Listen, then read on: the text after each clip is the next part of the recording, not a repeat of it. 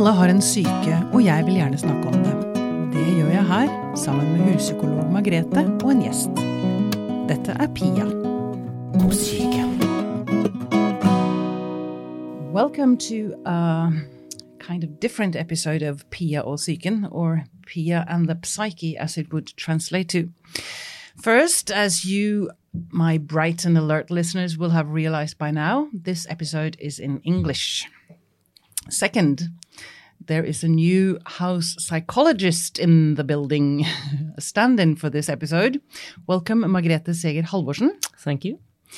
You are a psychologist and you are interested in both research and clinical practice. Yes, that's true. Mm. You've, mm. Yeah. you've worked for a, as a psychologist for a long time. Yes, I've been a psychologist for 18 years Oh. and I've been doing research um, in parallel all the time. So I'm working both at the university and as a clinician, Cool. What do you prefer? both. Both. Okay. Well, that's excellent. um, and I also know that you do not have many, if any, heroes in life, with one exception. Our guest here today, Dr. Janina Fisher. Welcome. That's true. Thank you. Thank you. It's an I'm honor. pleased to be her hero. Ah, yeah. And I have to, before I concentrate on you, um, I have to ask you, Margrethe, what is it with Janina Fisher that makes you, and I know several of your colleagues, go completely gaga? Yeah, she's a rock star. She is a rock yeah, she's. No, I first met Janina 10 years ago, actually. And I've followed courses the last six years, seven years. And uh, it's uh, about uh, her teaching and her theoretical perspective and how she's integrating different parts of psychology into one coherent theory and a perspective on trauma. And it's the way she's working, the bodily orientation, and it's absolutely her person. And her Uh, person. and she's warm, genuine, uh, humorous, curious, and I think I've changed as a psychologist uh, and as a person in the meeting with Janina. Wow, that's amazing. That's, okay. So now, finally, we will get to know you, Janina. I'm getting to know myself. oh. it's a nice mirror. It Mar- is a Margrethe is a nice- nice yes, mirror. a very nice mirror. Yeah, excellent.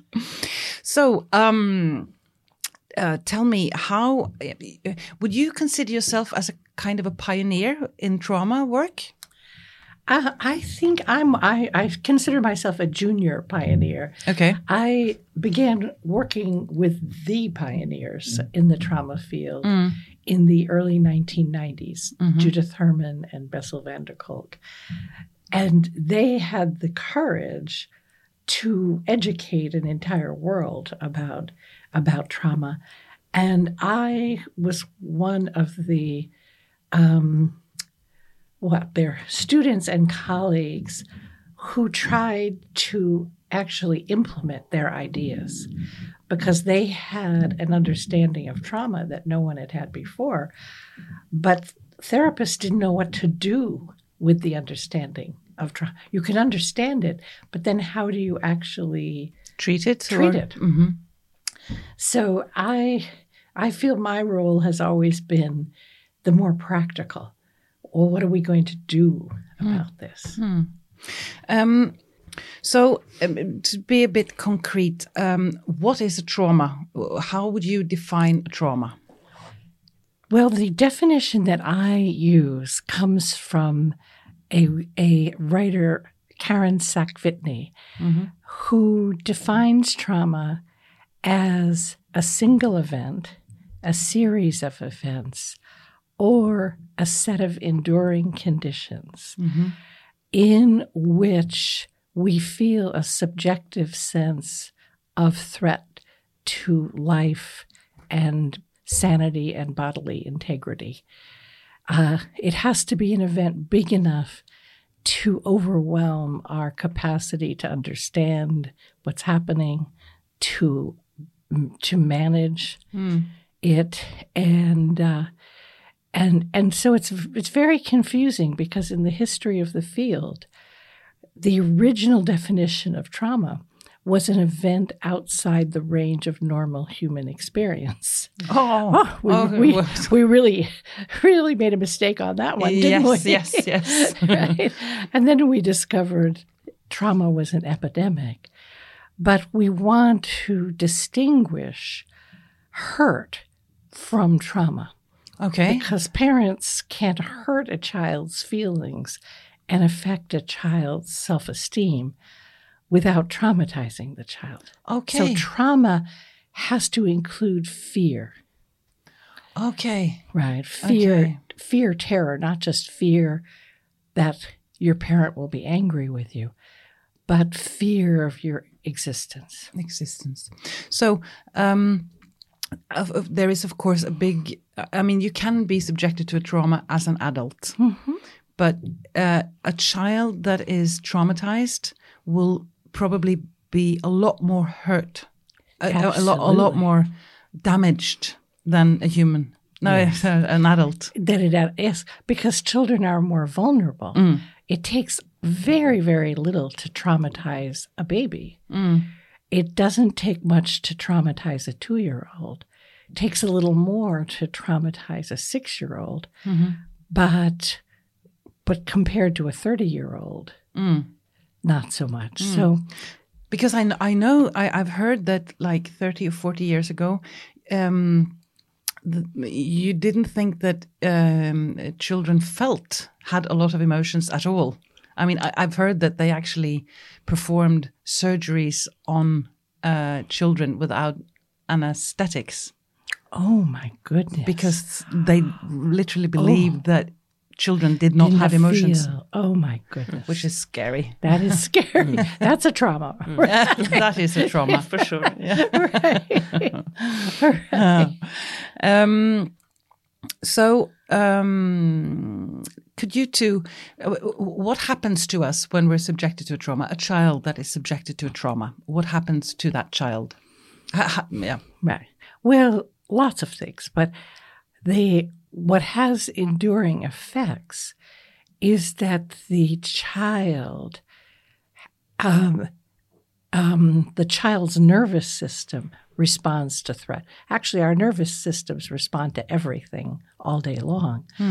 Um, but the nervous system also is what drives our emergency stress response. So, children s- who are subjected to trauma um, end up living in chronic emergency stress responses. So, because you don't just start feeling frightened when someone actually hits you, you start to feel frightened that it could happen. Mm. So, you start to feel frightened of the abuser's voice or a certain look in the eyes or a certain day of the week or particular sounds. Hmm. And then anytime you hear that sound anywhere in the world, It would trigger. it, it sets off that off. emergency stress response. yeah. Um, and mm. for children, especially critical, when we're having an emergency stress response, the the prefrontal cortex, the part of the brain that thinks, goes offline. Goes S- offline. Yes, so we can respond instinctively. Because you don't want to be thinking, what should I do hmm. when you have seconds between you and death? So the brain automatically cuts off the thinking functions of the brain. Hmm. So imagine you're a child being abused and you have to get up the next morning and go to school. How do you learn when your your thinking brain is offline or hmm. Is going offline each time the teacher looks serious? Oh, right. because a serious face has become associated with, uh oh, something's going to Something's happen. going to happen. Okay, well, uh, being hit or being subjected to uh, sexual abuse, those are quite sort of clear uh, traumas. I, I'm just wondering about um, other kinds of traumas who uh, that is a bit more uh, vague, like parents who don't pay attention to their children, uh, neglect, um, uh, stone face, cold, that would also, Well, you know, that's very interesting. or is that hurt? it that's that's the fine line. But the attachment research says if that parent is frightening or appears frightened, so for instance, a very a depressed parent mm. who is far away in another world, mm. so the child might see the depressed look and the faraway look and become frightened yeah. especially younger children. Mm. And and frightening parents have the same impact as abusive parents on young ah. children. Oh. So that can be So equally traumatic for but a the key is they have to be frightening. It can't just be my mother was Dis- depressed so I felt lonely. Mm, okay. It has to be my mother was depressed and we were always afraid. Okay. So, um, what kind of emotions does a trauma install in us? Well, you know, in the moment of trauma, I think if we could interview uh, a thousand traumatized people, uh, they'd probably say fear as the first response. First response. Mm. Um, shame and anger. But you know, anger is not something you feel at the moment that you are under threat. Shame is usually an after reaction. Hmm. So we think of shame associated with trauma, we think of anger associated with trauma. But in the moment, the moment we call it the moment of impact, hmm. I think most people would say, I felt I felt afraid hmm. or terrified. But then you will struggle. I mean, if you don't address the trauma when you're a child and you grow up, you will carry along a lot of conflicting emotions, maybe. Absolutely. And you're also going to carry what we call emotional memories. So, in the moment, you might not feel the anger or the shame. You might be subjectively just notice the fear.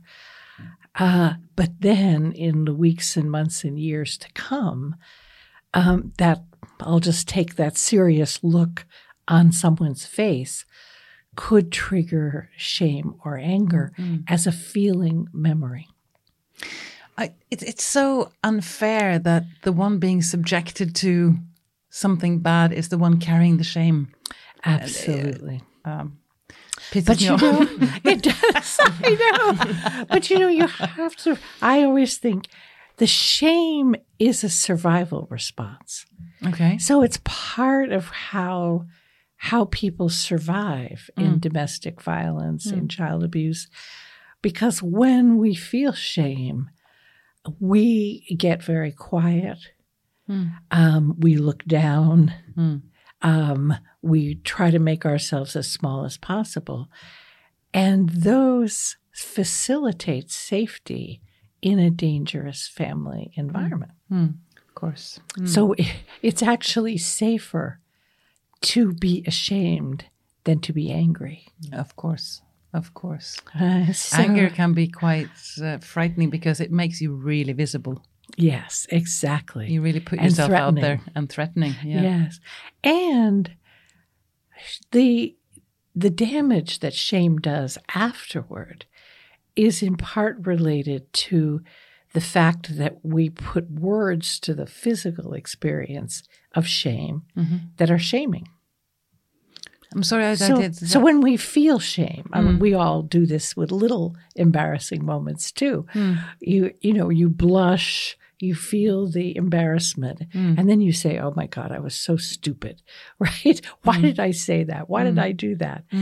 So most of us attach words that are blaming Ah, to, the us. feeling of shame. We don't say, "Oh, there's that that annoying shame mm, again." Mm. Ah, I'm so tired of it. Hmm. We say, "Oh, I'm so stupid. I'm such a loser. I'm hmm. such a failure." Hmm.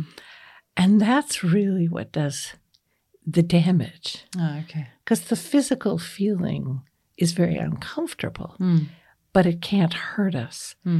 But those beliefs, you're stupid, you deserved it, you're inadequate, those beliefs do a lot of damage. Um, so, um, you have a quite different approach when you treat trauma. For instance, you you you don't believe it's good for the traumatized person to actually go back and talk about the trauma. That would actually re-invoke the trauma itself. Yes, it's not, you know, if if if if I meet someone and they say, I I need to tell you part of what happened to me so you really understand me, I would say, of course. Right. Let's let's let's do that. Um, what I think is unhelpful is the the telling and retelling of the blow by blow details of traumatic events. Okay. We used to believe that that's what set people free. To to sort of revisit those emotions and go into Yes, if you remember it, if you mm. can talk about it, mm. you will be free. But generations of trauma survivors have said, I've talked about it for years and I don't feel mm. better. And uh, and so we we have to treat and then we have brain scan research that shows that trauma is primarily remembered as feeling and sensory memories. Hmm. So so that means we have to treat those feeling and sensory memories. and how do you do that? And that we can do with many different approaches. Mm-hmm. Um, we can do it with EMDR, eye movement desensitization and reprocessing. Uh, we, I of course am biased uh, because I'm a a teacher of sensorimotor psychotherapy, what is which that? is a somatically oriented uh, therapy for trauma. and so you you go into the body. So we work right. We work with the body, and uh, and I just recently one of my oldest clients said to me, uh, she was looking back on the years that we've worked together, and she said to me, "You know what's been the most helpful was learning to notice that these overwhelming feelings were just body sensations." So she said, You know, I used to think, I'm afraid, I'm afraid. Hmm. And then you taught me to notice that what I thought was fear was just my legs shaking and my heart beating. Hmm. And then I didn't feel so afraid hmm. because I just noticed my knees knocking and my and my heart pounding. So it takes some of the power away from a feeling memory of fear. And feeling a feeling memory of fear is certainly not going to help anybody hmm. heal their wounds. Hmm. If we can address it as just body experience, we, we could say the body is remembering what it felt like. Hmm. And then we can help clients learn ways of addressing the fear so that they go from feeling afraid to feeling strong or upright. And uh, and that's and that's healing. Hmm, that is healing. Yeah. Uh, Margrethe, um, you use this in your therapy as well, her, her techniques? Yes, I try to integrate uh, uh, some of her work into my practice, and especially in the field of eating disorders, where we have not that many methods that we know uh, actually work. Mm. uh, and especially with the trauma clients with eating disorders. And because in eating disorders, the body is, is like the clients is trapped in the body, but it's no the body is not felt. Uh, so trying to get into and get curious on the body with this perspective is a way of trying to open up uh, and getting in touch and curious and mindful of the body. Uh, do you have any examples? Do you have stories that have sort of touched you either of you, uh, with clients you have worked with who have sort of felt released or, ha- well, you did mention one who who said that you know being healed. Uh, it, to to me, um, uh, I've been in a lot of therapy. And I th- I've also spent years You're an expert. I'm an expert. Yeah. And I, I must say, now I am 52 years old. Uh, and I've sort of almost given up hope a bit because it doesn't feel as if, well, it probably has helped. It probably has sure. helped, but but I, I'm still not there, you know. Yes. Uh, and I, I just, you know, my job with it, this podcast is to uh, bring some hope. And that's why you are here. Yes, you sort of talk about how to how how to get help, how to be mm-hmm. healed, how to mm. And I think some of it is is appreciating to the extent that you can that your your body and brain, everybody's body and brain holds on to these reactions because they're associated with survival. oh, So yeah, the you, body you like, and you the sort brain of need you, you think you need these.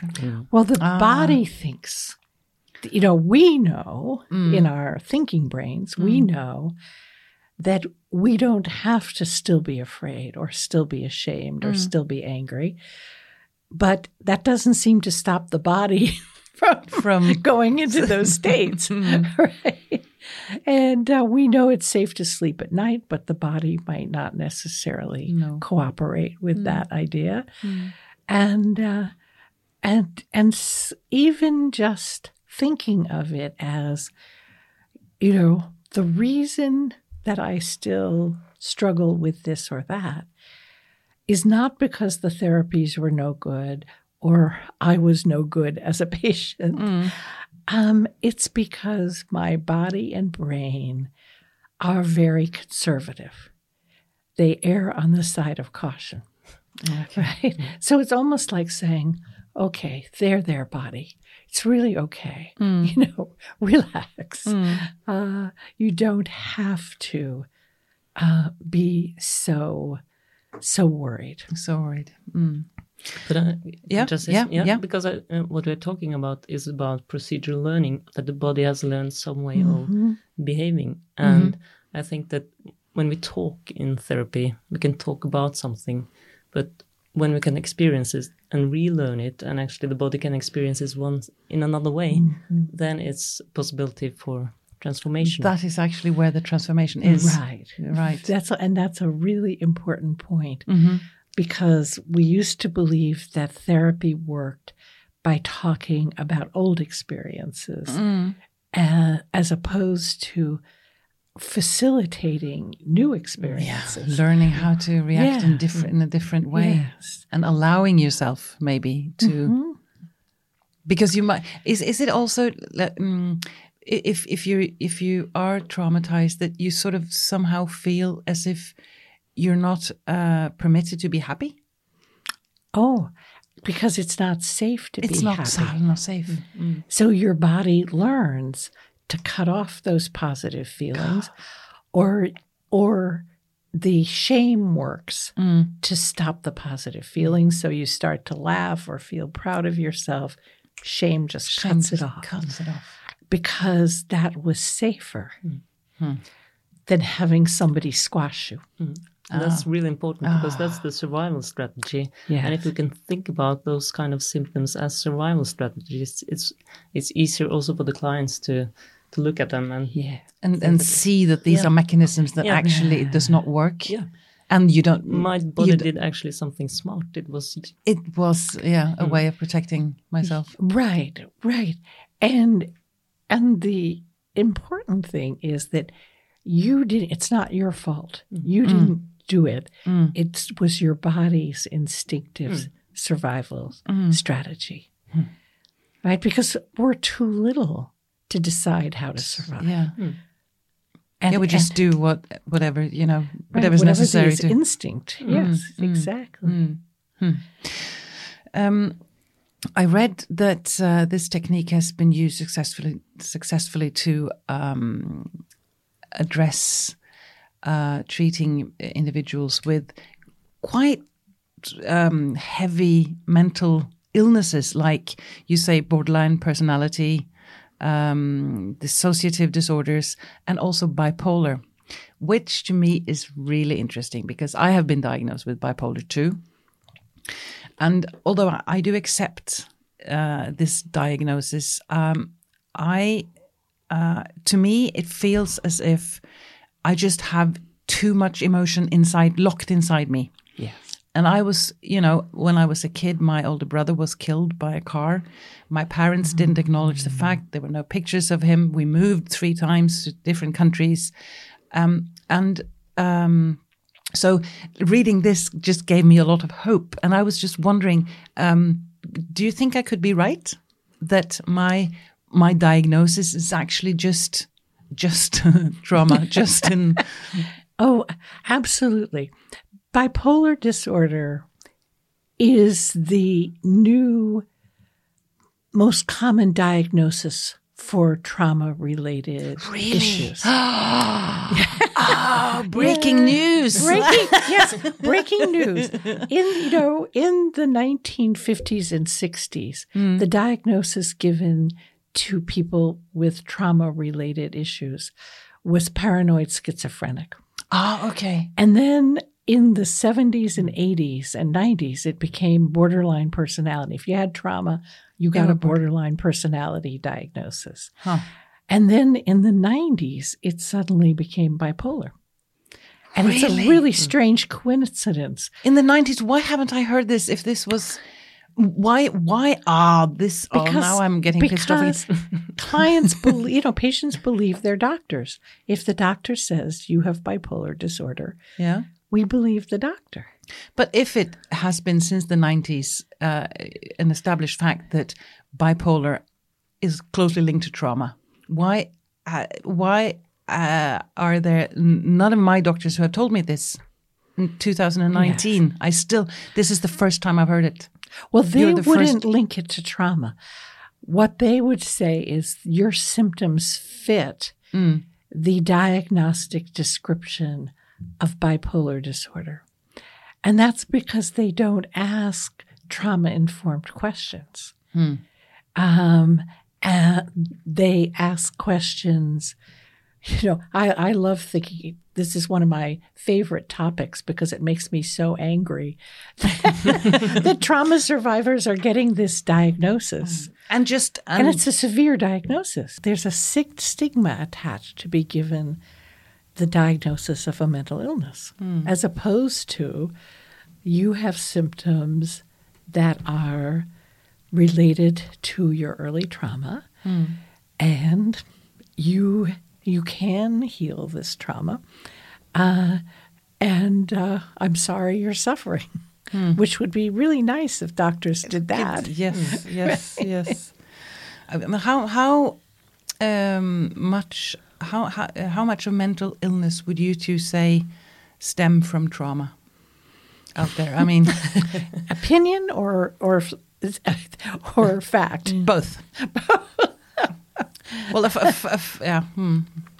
In the U.S., the uh, the statistics are that on average, seventy percent of psychiatric inpatients have histories of trauma. seventy. 70, 30 to 40% of outpatients, um, anywhere from 30 to 70% of patients in substance abuse recovery programs.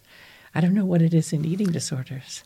Mm, I don't remember. I think it's approximately 50%, but I'm not quite that's sure. that's the figure that came to my mind too. So it's uh, even though we still treat all diagnoses as if the patient had no trauma. Um, the fact is that we're really talking about about at least 40 50% of everyone who goes for mental health um, treatment having some type of trauma. So wouldn't that be the natural first question for a doctor to ask? You would think so. What happened to you? In a perfect world. Yeah. I heard someone say the the question shouldn't be what's wrong with you. It should be what happened to you.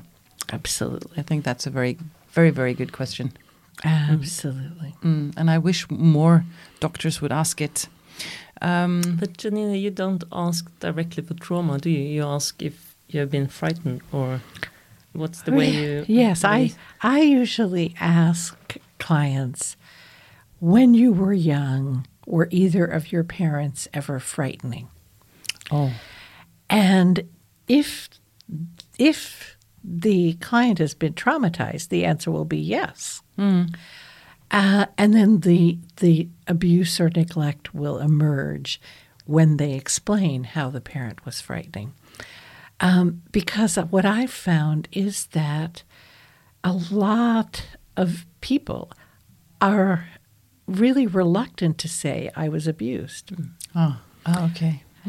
Some think I deserved it. I was a terrible child. Hmm. Uh, some believe it's disloyal to to make that accusation. Hmm. And I always say, well, we're just talking about facts. We're not accusing anybody of hmm. anything here. But it's very, very hard um, to say I was traumatized if for you that was just normal, if the parents justified it. Um, in some cultures, um, you know, physical abuse is accepted as a normal child rearing technique. So there are many reasons why people don't answer the question, Were you abused? by saying yes. But if I say, Were either of your parents frightening? Um, it's very rare for people to say no. Hmm. If they had frightening hmm. parents, hmm. obviously. if, they, if they had very easy parents. right. Uh, but I think this is important because as psychologists in Norway, we are um, we should ask for trauma in the 1st mm-hmm. session, and it is so important how you ask that question Yeah. because of Yes. many people won't answer that question in the first session with Yeah. a, with a new Right, with a complete stranger. Yeah. Right. But- Imagine because- somebody on the street stops you and says, Were you ever abused? yeah. right. And I, I assume also that it, it can be difficult to, I mean, your parent, you love your parents, uh, you're supposed to uh, uh, anyway, um, and it, it's difficult to accuse them of of hurting you. I mean, you, it, it can be difficult to accept that that has actually happened. Actual, absolutely. Yeah, Yes. yeah. Um, Margrethe, you, you're sort of you, you're the expert on Janina. Is there? you're the Norwegian expert on Janina. Oh, that's in great. this room. You're more expert than I am. Um, w- w- when you've listened to this, um, listened to Janina talk, um, is is there something I'm missing that you would like to sort of go more into or or uh, investigate further that listeners, our listeners, should know? It depends on the perspective because we talked about how to understand trauma, Mm. but, but there's a side of how to be a therapist in relation to clients with trauma. Okay. Uh, and one of the fascinating things with Janina is her way of making contact with clients. I guess that all that's listening now who are therapists will have experience of stuckness when we sit with clients that are mute or uh, says I don't know or Mm. filled with hopelessness or overwhelmed by feelings Mm. and finding a way to get into in contact with the client. Mm. That's uh, one of the most uh, fascinating things with this approach, I think. Okay. Well, there are many fascinating things with this approach, but that's one of them that has helped me a lot as a therapist. Okay. So how how would you do that? Uh, what what is your magic? Uh, I mean, I think I think the, I'm not quite sure. This is why it's very helpful Mm. to To have a listen to- mirror. But I think I think some of it has to do with not seeing the client as damaged. Hmm. Ah, but as ingenious, as a miracle. right? And ah. sometimes I say, let's just appreciate this for a moment. You survived. Hmm. And because of that, you and I are sitting here now and we're talking to each other. Mm-hmm. And that's something to celebrate, Wow. which is really what I, I mean, I, what I feel. Wow, and, and that is amazing because um, I have I have um, experienced to feel feeling damaged. There's something wrong with me. Right. Right. And that's how our That doesn't help the shame. Absolutely. and our the mental health system, because it's a medical model, um, tends to, I think, inadvertently pathologize people. Yeah. Like giving them diagnoses of borderline or bipolar is pathologizing mm. someone who has survived. Mm. And uh, and that's something to be celebrated. Wow, that's amazing. That's really a very different approach a to, very to, to different the approach. one I'm used to. Yeah. Mm. So if the if the client comes in and isn't talking, I say, "Good for you. Well done." Not talking. Yes, because I'm a complete stranger. We just met five minutes ago. Why should you talk to me? This is very clever, right? Because you're taking your time. You're going to get to know me, hopefully. Um, and then you decide if I'm someone you want to talk to. If we have listeners out there who have been in in uh, in um, therapy for years and years, and nothing seems to work, how, how would you? What would you say to them? I would say that that they need to look for a specialist mm-hmm. because not all therapists are specialists. If you have a heart problem, you wouldn't keep going to mm. your regular doctor. Mm. Um, you certainly, you know, you wouldn't go to a kidney specialist with a heart problem. Mm. You'd go to a cardiologist. If if you've experienced trauma, it's very, very important to go to a specialist and to make sure that that specialist uses lots of different methods Okay. because there's really even the what we call evidence-based treatments um, rarely work well all by themselves. They need to be integrated with other approaches and particularly with an understanding of trauma. So, but uh, what, what do you look? I mean, if you go to the yellow pages, to the trauma specialist, or uh, how, because That's I I know. I mean, this is the problem in Norway. I, I know a peop, a lot of people who struggle with things. They have. Uh, it's difficult to find a therapist, uh, and also it's difficult to find a good therapist. So, Even in Norway. even in Norway, I would say, yeah, There are many good therapists in Norway. yeah. Uh, but I think when Janina and her colleagues in the trauma field has had, have had an enormous impact on the Norwegian healthcare system through all the courses that uh, they have held in Oslo and Kristiansand and other places in Norway. Mm. So I think that this perspective is growing uh, in the healthcare system in Norway. Mm. Uh, so there will be specialists in this kind of treatment many places, but of course uh, we should have many more. Yeah. Yes. And you can speak more about how you would find a trauma specialist here. Yeah, but that's that's difficult because uh, uh, some trauma specialist works in, uh, in public outpatient clinics. Mm. Some work, for instance, at Modum Bads Polyclinic or outpatient clinic in Oslo, but uh, the capacity uh, is uh, uh, short, so it's Mm. not easy to get in. Uh, It shouldn't be short. I mean, we should have an abundance of uh, trauma should. specialists. Give, given the Seeing- statistics, Yeah. we should absolutely. But it's possible to get in contact with those who have been through the courses in sensorimotor psychotherapy, for instance, to to get advice. Where can I get in Yeah. touch with? You, you said something as sensory sensorimotor psychotherapy. Yeah, sensorimotor is. w- w- t- t- Have we talked about that? no. We talked uh, A bit little bit, about But it. yeah, yeah. what is it? It is a talking therapy for trauma that includes the body. The body. How? And uh, How, how do you Lots include of the- ways. Oh, okay. through just noticing what the body is saying, Mm-hmm. because the body speaks, and uh, uh, and then changing what the body is saying. Changing the what the body is saying. Okay. How, how, how do you do so, that?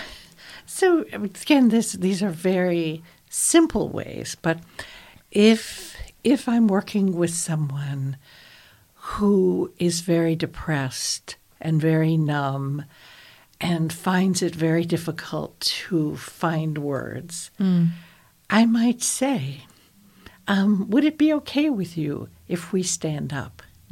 And sometimes I say, uh, "I'm, you know, I'm really tired of standing. I'm sitting. I've been sitting all day. Would you mind if we just stood? Because when we stand up, we don't feel as depressed, Okay. Right? And mm. yet, depression always tells you, "Oh, sit down." Or lie down. yes, get in bed under the covers. Mm. Uh, but actually, we feel better when we stand, mm. and better when we move. So we can help the body learn it's not necessary to be depressed. You know, depression helps you to be seen and not heard as a child. It helps to buffer overwhelming feelings. Mm. Hopelessness is very helpful when you're a child in a hopeless situation. It's not probably very adaptive to be hopeful when mm. you have abusive parents, mm. right? Doesn't it make more sense to expect the worst? To expect the worst. Yeah, I just think it's important to say that this is one perspective uh, on trauma treatment. There are different trauma treatments uh, existing, and in Norway, uh, at the outpatient clinics uh, along the whole uh, country, there will be uh, trauma treatment teams, uh, maybe offering different kinds of trauma treatments. Mm. So uh, maybe that's the the best way to actually g- get in touch with and signalize that I need some kind of trauma treatment. And as we know from the most research, that not no one model fits all. So it's the way of trying to find what fits me. And uh, of course, that's not easy if it's uh, uh, if you get a therapist in a public uh, outpatient clinic. But but I think that's there's many ways of uh, treating people, and uh, uh, you have to find. Find your way. Mm. But uh, I must say, it, it seems quite logical that the body plays a big part in your mental health. I mean, uh, and like you said, the body does actually speak. yes. It has its own Yes. language, and it has to do with Yeah. interpreting and learning what the body is actually saying. Yeah. Yes. And what and the feeling memories can also be addressed by using these body centered techniques. Because it's really the feeling memories that that torture trauma survivors. Mm.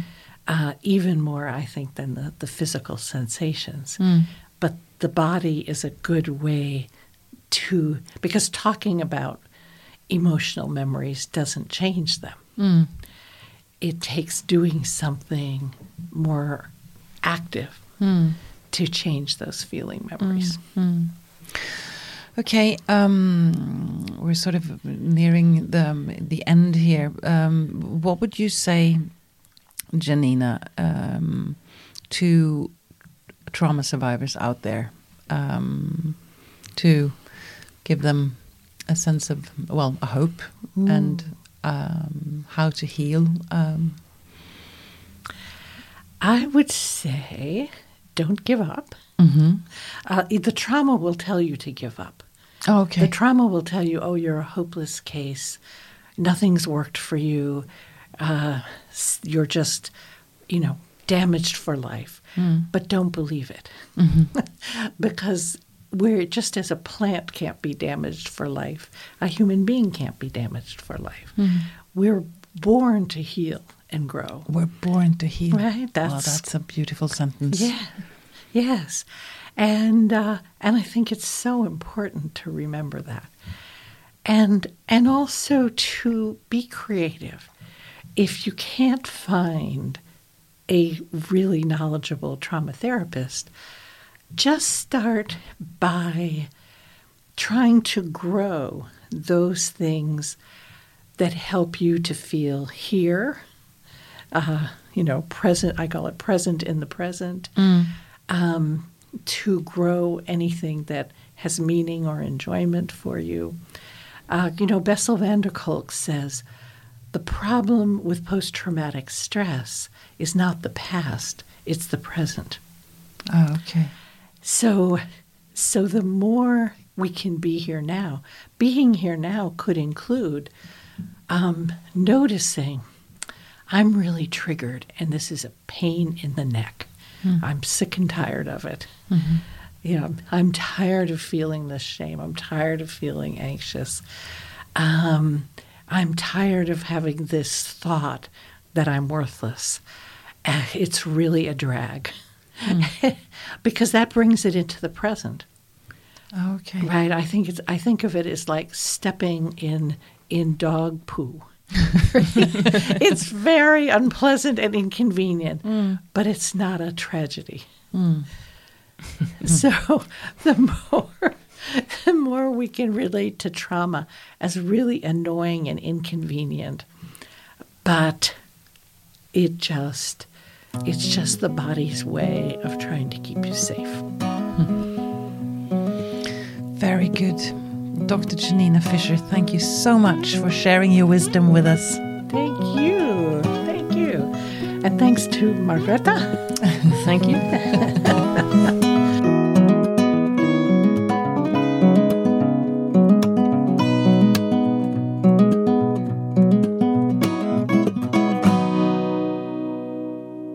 Denne Podkasten er produsert av Tid og Lyst. Med støtte fra Ekkos legat.